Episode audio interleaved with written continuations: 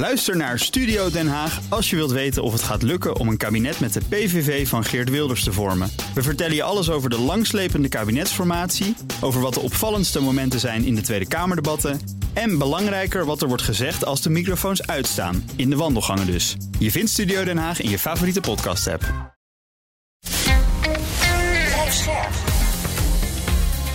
BNR Nieuwsradio. Boekenstein en de Wijk. Hugo Reitsma. Welkom bij Boekenstein en de Wijk. Het is zaterdag, dag 528 van de oorlog in Oekraïne. Bij ons is HCSS defensiespecialist Patrick Bolder. En waar wij laatst spraken over lessen uit de Korea-oorlog, kijken we vandaag naar... De Eerste Wereldoorlog en ook wel de Tweede. Met een heel mooi uh, artikel in Foreign van uh, mevrouw Macmillan, professor Macmillan een Oxford-professor. How Wars Don't End, Lessons of World War I. En af en toe noemt ze ook de Tweede Wereldoorlog. En wat ik er leuk aan vind, is dat er zijn natuurlijk altijd verschillen. Maar het is wel frappant hoeveel overeenkomsten er eigenlijk zijn tussen de Russische eh, invasie en, en wat er gebeurde tijdens de Eerste Wereldoorlog. Ik zal er een paar noemen. Ze noemt er heel veel, dus ik maak een selectie. Um, Poetin dacht wel eventjes snel klaar te zijn met Kiev, weet je nog? Mm. Mhm. Nou, dat dachten dus die jongens ook. Een frisse en vrolijke kriek. Met kerst zijn de jongens weer terug. Hè? Dan kunnen ze weer een kalkoen eten. Nou, dat, was dus, dat werd dus een loopgravenoorlog. En daar hebben we de volgende overeenkomst te pakken. Hè? Mhm. Nou, ook het, de enorme rol van het nationalisme. Ja, dat is natuurlijk waar. Dat speelt aan, uh, aan mhm. Oekraïnse kant, maar zeker ook aan Russische kant een enorme uh, rol. Een van de belangrijkste punten die ze maakt, en dat is, dat wel dat is altijd een wijze opmerking die historici altijd kunnen maken. Hè? Als je de oorlog op de verkeerde manier eindigt hè, en je kleedt je tegenstander of de verliezer helemaal uit, dan, ja, dan plant je de, de kiemende zaadjes voor een nieuwe oorlog. Hè? Dus altijd. Kijk, het verdrag van Versailles was natuurlijk, eh, dat leidt natuurlijk tot die dolkstootlegende en zo. En ook weet je, het Weens congres van 1815 was dus heel erg edelmoedig naar Frankrijk. Dat zijn grenzen van 1792 behouden. En dat heeft een van de, vreedzame, e, e, een van de meest vreedzame eeuwen ingeluid die we mhm. kenden, de 19e mhm. eeuw. Hè? Dus dat zijn allemaal redelijke punten. Ze maakt ook nog wel uh, een aantal andere overeenkomsten. We, dachten allemaal dat oorlog is toch eigenlijk onmogelijk hè, tussen beschaafde landen. Nou, dat dachten ze in 1914 ook. Ja. En in 2022 dachten we dat ook. En dat is allemaal dus uh, onzinnig geworden. En ook het hele idee van dat oorlog is uiteindelijk een redelijke optie. Hè, wat je dus had ook bij Oostenrijk-Hongarije. Zei van ja, als we Servië nu niet gaan straffen, dat kan niet. We moeten gewoon hè, beuken. Want en desnoods maar een oorlog met Rusland. Hè. Nou, dat was bij Poetin ook zo. Die had een historische interpretatie. Oekraïne bestond gewoon helemaal niet. Het was eigenlijk de wieg van Rusland. En hupsik idee, oorlog is redelijk vanuit die historische mm gedachte. Nou, ook de technologie is, is soms achterhaald. Je had die beroemde verhaal van die dreadnought battleships, weet je wel. Mhm. Nou, die bleven eigenlijk gewoon... Nou, de, dus de, Engelsen hadden prachtige nieuwe, hele mooie nieuwe gevechtsschepen gemaakt. Hè?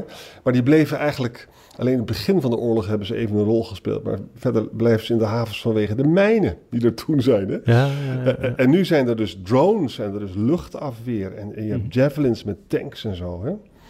Nou, en dan komt het punt van de appeasement natuurlijk, hè, 1938, München. Dan wordt dus Oostenrijk eh, en Tsjechoslowakije, het Oostenrijk de Anschluss, er wordt verkocht. Nou, dat hebben wij gedaan in 2014 met de Krim. Hè. Die, die parallel hoor je steeds meer. Hè. Nou ja, ik zal er nog eentje noemen. Er komen natuurlijk steeds nieuwe deelnemers bij in de oorlog. Hè. Japan 1914, mm, Bulgarije, mm-hmm. Italië 1915, Roemenië 1916, China, Griekenland, Amerika 1917. En nu is de grote vraag natuurlijk van, gaat China ook uh, meedoen uh, of niet? Jongen, nou. en dit was dan nog maar een selectie uit de overeenkomst. Dit was nog maar een selectie. dat was nog maar een selectie, ja. ja. ja. Ja, nou, ik, ik vind het wel heel erg, die, die vergelijking die ze maakt, is wel heel erg door de bril van, ja, wat gebeurt er nu op de grond? Uh, gekeken. Als je gaat kijken naar de oorlog op zich, is natuurlijk heel anders geworden door uh, met name gebruik van de diepte, gebruik van de luchtmacht.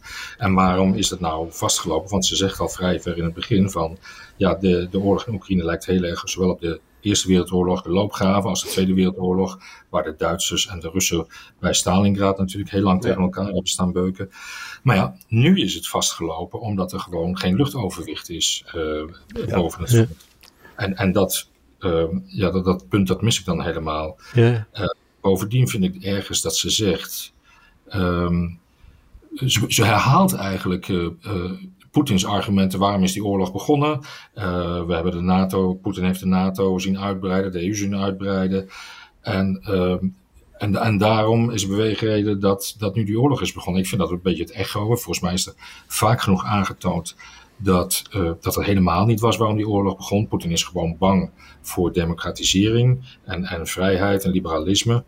Uh, dat zegt ze verderop weer wel, maar ik vind het nogal kwalijk dat je die argumenten van Poetin eigenlijk zo meeneemt, zonder te noemen dat het Poetins argumenten zijn. Hm. Ja, dat ben ik met je eens. Dat, dat ja. is een beetje te veel. Uh, ja, ze zegt ook, ja, wars rarely go as planned. Ja, nou ja, dat wisten we al vanaf uh, Clausewitz natuurlijk, de fog hm. of war. -hmm. Um, verder is het wel aardig hoor, want er geeft een beschrijving van um, ja, hoeveel slachtoffers zijn er eigenlijk gevallen. En zij schat in dat Rusland meer dan 800 uh, doden en gewonden per dag heeft uh, gehad. En Oekraïne 200 tot 500. Dat zijn natuurlijk allemaal verschrikkelijke getallen. Maar dat geeft wel weer die oorlog die Oekraïne nu aan het voeren is, die attritieoorlog, die voorzichtige aanvallen die ze nu doet in een tegenoffensief, de eigen uh, slachtoffers zo laag mogelijk laten en uh, de, de, slachtoffers aan de Russen zo hoog mogelijk laten.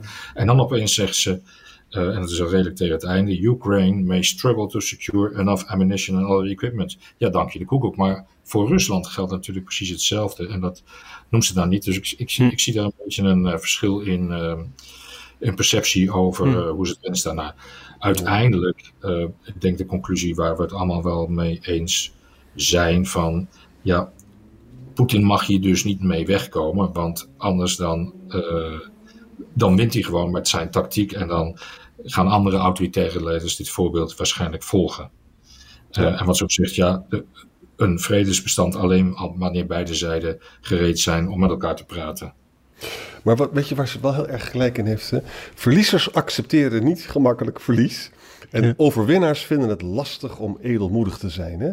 Magnanimous, hè? Die, die, die Churchill-slogan van uh, decisive during war en magnanimous uh, in peacetime. Hè? Nou, als het Westen Oekraïne niet weder opbouwt en Rusland blijft behandelen als een permanente paria, ja, dan krijg je dus revanchisme en dan krijgen we de volgende oorlog. Hè? Dat is heel moeilijk om dat nu te zeggen, omdat iedereen ongelooflijk kwaad op Rusland is. Maar het is onverstandig om uh, niet Rusland straks weer op te nemen in een, uh, in een internationale orde, waarmee het zelf ook kan leven. Ja, dat, dat, klopt. Ik, ik, wil daar graag uh, van ons eigen HCSS iets tegenover zetten.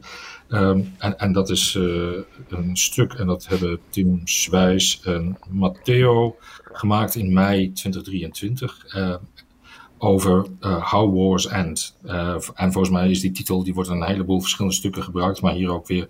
Um, als je gaat kijken naar de conflicten tussen 1946 en 2005, zijn er uh, volgens de data 63 interstate wars, dus um, oorlogen tussen landen gevoerd, waarvan 21% gewonnen is, zeg maar, duidelijk winnaar-verliezer, maar 30% in een staakt het vuur geëindigd en 16% in een vredesregeling.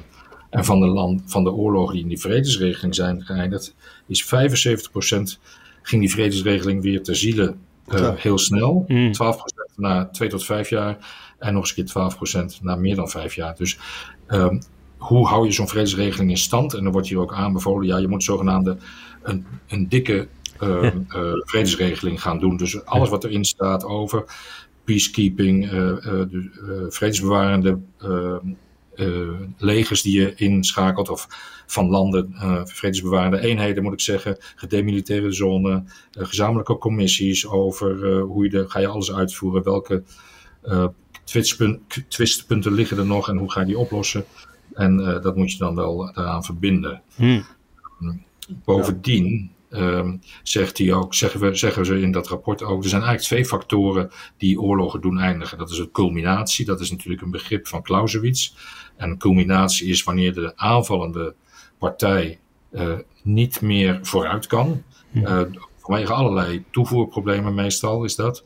En de tweede factor is de zogenaamde ripeness, dus de rijpheid. En dat is een begrip dat is geïntroduceerd door William Zartman. Um, en die zegt van uh, um, wanneer is iets rijp? Uh, dat, dat is als er gezamenlijk um, de, de padstelling aan allebei de kanten ongeveer evenzeer doet. En dat ze geen andere weg meer eruit zien dan dat je met elkaar nog maar moet gaan praten. Uh, winst is niet meer te bereiken. En als je het allebei uh, ziet, uh, weet je ook dat het pijnvol is om door te gaan. en dan moet je dan een way out zoeken. En ze noemen dan ook vijf problemen waarom het, een, een staakt het vuren nog niet voor de deur ligt. Hè? Beide, beide partijen geloven nog in succes op het slagveld. Hè? In de tweede plaats de kosten nemen maar toe en toe en toe. En daarmee worden de doelen ook groter. Hè? Oekraïne wil gewoon de Russen helemaal Oekraïne uit, omdat de kosten zo hoog waren geweest. Hè? Nou, het derde is de westerse druk om, om te gaan onderhandelen, die faalt. Hè? Die faalt gewoon. Dat, dat, Biden slaagt daar nog niet in. Verder, er is toch nog steeds een hoge publieke steun voor Poetin. Of dat helemaal waar is, weten we niet meer, maar daar lijkt het wel op.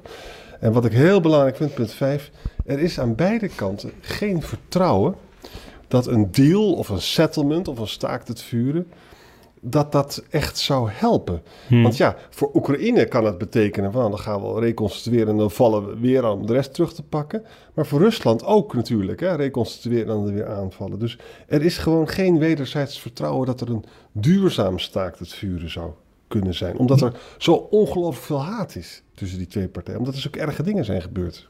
Hierover ging ook dat uh, Rand-rapport, dat we laatst uh, kort even aanhaalden. Ja, ja. Ja. en, en als er weer zo'n zo'n Versailles-achtig verdrag komt, dan zijn ze natuurlijk allebei bang voor. Hè? Wat geven wij straks op? Ja. Dat willen we zeker niet hebben. Ja, dan ga je ook niet overleggen. En um, wat het HCSS-rapport ook stelt, is ceasefire is not war termination. Hè? Dus je kan praten over een wapenstilstand, maar dat betekent nog lang niet dat er een vrede is. Pas als er wapenstilstand is, dan kun je gaan praten over hoe gaan we de weg naar vrede bewandelen. Um, dus dat is toch wel een eerste stap. Maar ja, zolang beide partijen ten eerste denken dat er nog veel te halen valt en de ander niet vertrouwen. En volgens mij hebben ze allebei ook uitgesproken dat de huidige uh, leider van Rusland, Poetin, die wil niet met Zelensky praten. En Zelensky wil zeker niet met Poetin praten. Hm. En dat compliceert het natuurlijk wel allemaal. Ja. Ja, ja, het gevaar is dat eraan zit te komen dat het alleen maar verder gaat escaleren natuurlijk. Ja, dat ben ik dus ook En dat zie misschien ook wel gebeuren hè, met die aanvallen in Rusland allemaal. De aanvallen op graan, op infrastructuur. Um, wat kunnen we allemaal nog meer verwachten? De aanvallen in de Zwarte Zee. Het, het, ja het conflict zoals we dat voornamelijk op land, in het cyberdomein, in het elektronisch domein en in de lucht, uh, met vooral dan de drones afspeelde, is nu ook al verplaatst naar het maritieme domein, de Zwarte Zee. Uh, ja, waar houdt het op, zou je bijna zeggen. Weet je, eigenlijk zou je dit kunnen zeggen, de kans op escalatie lijkt me nu groter dan dat er, dat er een staakt het vuren voor de deur staat. En mocht je over een jaar met heel veel moeite een staakt het vuren bereiken, dan leren ons dus de andere oorlogen dat, het, dat er een enorme grote kans is op, op, op de herhaling van een oorlog weer, van het hmm. uitbreken van het conflict. Dus je wordt er niet vrolijk van. En daarom blijf ik maar zeggen, hoe vreselijk het ook klinkt, je zou dus de Russen ook moeten proberen over te halen van luister eens, we willen heel graag gestaakt het vuren en we gaan jullie niet uh, de, het vel over de oren trekken straks. Het gaat ontzettend tegen ons rechtvaardigheidsgevoel in. Hè? Maar als je serieus wil dat, dat, dat aan die eh, vreselijke kelling aan beide kanten gestopt wordt, dan zou je dat soort dingen eigenlijk moeten doen. Maar, maar, Rusland blijft vijandig ten opzichte van het Westen. Ja. Uh, dat zie je voorlopig niet veranderen, hmm. wie er ook daar komt. Ja. Uh, omdat ze natuurlijk ook vinden dat ze vernederd zijn. Aan de andere kant uh, ben het met je eens, hoe ga je weer normaliseren die betrekkingen om te zorgen dat gevechten stoppen, dat doden stoppen. Um, dat is nog wel een groot dilemma, ja. Een enorm dilemma is dat. Hè? En, en je zegt terecht, kijk, met Poetin valt natuurlijk valt op geen enkele manier te vertrouwen. Maar misschien wel, als, als hij macht verliest, dat er andere partijen zijn die bereid zijn om te praten. We dat was toch recent een suggestie van iemand die zei van doe, uh, doe de Russen een voorstel. Als je Poetin dumpt, dan kunnen we weer een normale betrekking aangaan. En natuurlijk de oorlog stopt. Ja, ja maar, maar, wie gaat dat dan doen? Ah, de, de, namen die jullie al eerder hebben genoemd, uh, daarvan staat niemand echt te juichen. Maar ik ben met je eens, het is de enige manier. Poetin kan dit niet meer stoppen. Uh, Hij heeft zichzelf zover in de, in de hoek gewerkt. Uh, dat hij daar niet meer uitkomt, zelfstandig. Dus er moet iemand anders zijn. En iemand anders die kan zeggen: deze onzin die mijn voorganger gestart is, ja. die stop ik. Maar wat betekent dat voor zijn draagvlak thuis? Uh, wat betekent dat voor zijn politieke geloofwaardigheid? Gaan we dan zaken met zo iemand doen? Of is, blijft hij vijandig? Uh, gaat hij de gebieden opgeven of niet? Nou ja, dat zijn allemaal wel vragen uh, die natuurlijk wel van belang zijn voordat we met een vredesoverleg gaan komen. Of met een wapenstilstand en vervolgens een vredesoverleg. Ja. Ik vond in alles wat ik uh, zo, zo las het afgelopen jaar over getheoretiseer over oorlog, vond ik de aardigste. Want, want heel simpel, eigenlijk wel het idee dat oorlog eigenlijk een informatieprobleem is. Omdat staten natuurlijk altijd verschillend denken over dingen, maar dan normaal geen oorlog beginnen. Want dat is gewoon meestal een vrij stom ding om te doen. Tenzij een van de staten denkt, oh, die partij, daar wandel ik wel even overheen. Dat is dan meestal een vergissing en dan krijg je een hele slechte oorlog. Maar dan stopt die oorlog dus pas op het moment dat dat informatieprobleem is opgelost. Dat de partijen zien van, oh ja, die ander die is wat sterker. Nou, dan kunnen we nu gaan praten, dan doe ik wat concessies. En dan krijg je dus een uitkomst volgens ongeveer de krachtsverhoudingen. En dan kan de oorlog weer ophouden. Dus je Ja, moet eigenlijk het informatieprobleem oplossen. Ja, dat zegt met Millen ook wel een beetje. Hè? Eh, van, we gaan met de verkeerde percepties oorlogen in en dan, ja, dan zit je in zo'n trechter en dan kan je niet meer uitkomen. Overigens, in het HCSS-rapport, dat is wel aardig, niet altijd de sterkste partij die wint in dit soort oorlogen. En kijk dan ook naar bijvoorbeeld Afghanistan. Uiteindelijk eh, hebben de Russen daar eerst al in de tachtige jaren een oorlog gevoerd en moesten ze daar weg. En Ja. ja, Amerika is natuurlijk met, met het Westen daar eh, ook twee jaar terug. Is het alweer twee jaar geleden? Eh, Ja. Ook uitgetrokken. Ja. Ehm, dus dat geeft wel aan dat, dat de krachtsverhoudingen op dat moment niet altijd zeggen over de uitkomst van de oorlog. Ja, dat is waar. Waar ik steeds aan moet denken, jongens, maar je moet oppassen met de geschiedenis, want de geschiedenis is altijd verandering in plaats van continuïteit. Hè? Ehm, 1917, hè, de Russische revolutie, was een direct gevolg van die Eerste Wereldoorlog. Hè? Dus het is ook niet uitgesloten dat als echt blijkt dat Poetin dramatisch verliest, dat er toch mensen gaan denken van nou, dat hele Poetin-regime, dat is, gaat, daar hebben we nou helemaal geen voordeel meer bij. Maar weet je, dan lees ik ook weer dat heel veel oligarchen verdienen ongelooflijk veel geld aan de defensieindustrie. Nou, dan zit je Ja, maar die moeten ook wel offers brengen. De oligarchen worden, hebben ook de opdracht gekregen om nu hun eigen ehm, eh, legers op te bouwen, hun eigen private military companies, al- als loyaliteit te tonen naar Poetin. Dus ja, of ze nou heel, veel, heel gelukkig worden van Poetin naarmate die oorlog langer duurt, dat weet ik eigenlijk niet. Want uiteindelijk moeten ze ook nog uit hun eigen zak betalen natuurlijk. Ja. Overigens zag ik ook nog iets moois als je het hebt over betalen van soldaten. Er was een Russische soldaat, die heeft zijn beklag gedaan. Vader van zes kinderen. Ehm, hij zou geld krijgen, maar dat kreeg hij natuurlijk niet. Zijn salaris niet. En hij zou ook nog een uitkering krijgen, omdat hij gevochten had. Achteraf kreeg hij natuurlijk ook niet. En op die manier, kijk, Poetin lokt mensen wel het leger in met mooie beloften over geld. Maar hij betaalt nooit uit. Hoe lang kan dat nog goed gaan, denk ik dan? Ja, Ja. Ja, ja, ja, ja. En ik moet ook weer aan escalatie denken, jongens. Want stel je voor dat het doorgaat hè, met die maritieme drones, wat we allemaal hoorden. Stel je voor dat de F-16 straks geleverd worden. En hij is echt, staat op achterstand. Dan heeft hij dus weer een prikkel om toch hele gekke dingen te gaan doen. Hè? Het blijft gewoon Ja, boven de markt. ja. Maar kunnen wij het ons veroorloven om Poetin weg te laten komen met... En, Nee, eh, kan ook niet, kan ook heeft niet. met, met het terrein wat hij heeft gewonnen. Dat kan ook niet, want dan werkt zijn strategie. En is het over tien jaar echt een oorlog met NAVO-landen. In ieder geval Moldavië al binnen vijf jaar. En daarna staat hij alleen maar tegen NAVO-landen aan te drukken. En die wil hij ook pakken. Dat heeft hij al duidelijk laten blijken. Dilemma's Ja. stapelen zich op. Hè? En dat wordt spannender en spannender, vind ik ook wel hoor. ja zeg je, de, het- de, de risico's worden groter naarmate de tijd langer duurt? Nou, voor mijn gevoel wel. Ehm, wat, wat ik al zei, hè, we zitten nu ook al in het zeedomein. eh, de drones, eh, automatisch, of hoe hoe noem je het, autonome eh, artificial intelligence, autonome systemen zullen ook steeds meer een toenemende rol gaan spelen. Want als je heel veel drones hebt, kan je ze nooit meer allemaal per stuk aansturen. Dus dan moet je dat door een machine laten doen. Ehm, wie, wie is daar het beste in? Wie heeft daar nog de meeste eh, moreel-ethische eh, software ingebouwd om te voorkomen dat er zomaar burgerslachtoffers vallen of dat er een enorme escalatie is? Dus ik vind dat wel. eh, oh, dan gaat mijn telefoon even wegtrekken. dat, dat, gaat- dat, dat vind ik wel eh, heel link. Ja. Goed, dus de belangrijkste les denk ik dat je kan zeggen uit de Eerste Wereldoorlog is begin er niet aan. Ja, Eh, ja, ja. Je hebt eh, het, het probleem dat het moeilijk is te stoppen, zo'n oorlog. Het risico dat die uitbreidt naarmate de tijd vordert. Zit er ook nog een les, een constructieve les in? Iets waar we nu wat mee kunnen? Voorkom een verzaai. Probeer edelmoedig te zijn tegen de verliezende partij. Hoe idioot het ook klinkt, maar de, de mensen van het Weense congres waren intelligenter dan de mensen van het verdrag van Versailles. En dat is toch wel heel interessant, vind je niet? Frankrijk werd, werd dus heel erg netjes behandeld in 1815. Die werd niet zo zwaar gestraft. En, en wij gaan Rusland natuurlijk hoge herstelbetalingen opleggen. En terecht natuurlijk ook. Maar wat, wat wel heel interessant is, kunnen we Rusland niet iets in het vooruitzicht stellen? Um, ook al klinkt het nu heel erg uh, perfide bijna, maar kijk naar Duitsland. Uh, was natuurlijk de grote agressor in de Tweede Wereldoorlog. Als je ziet hoe na de oorlog de, de economische ontwikkeling in Duitsland is geweest, is natuurlijk enorm. Ja. Um, en, en, het is niet zo dat al het geld nu meteen naar Rusland moet, maar dat kun je misschien wel zeggen van nee, uh, uh, join us, kom bij ons van de groep van, van democratische vrije landen.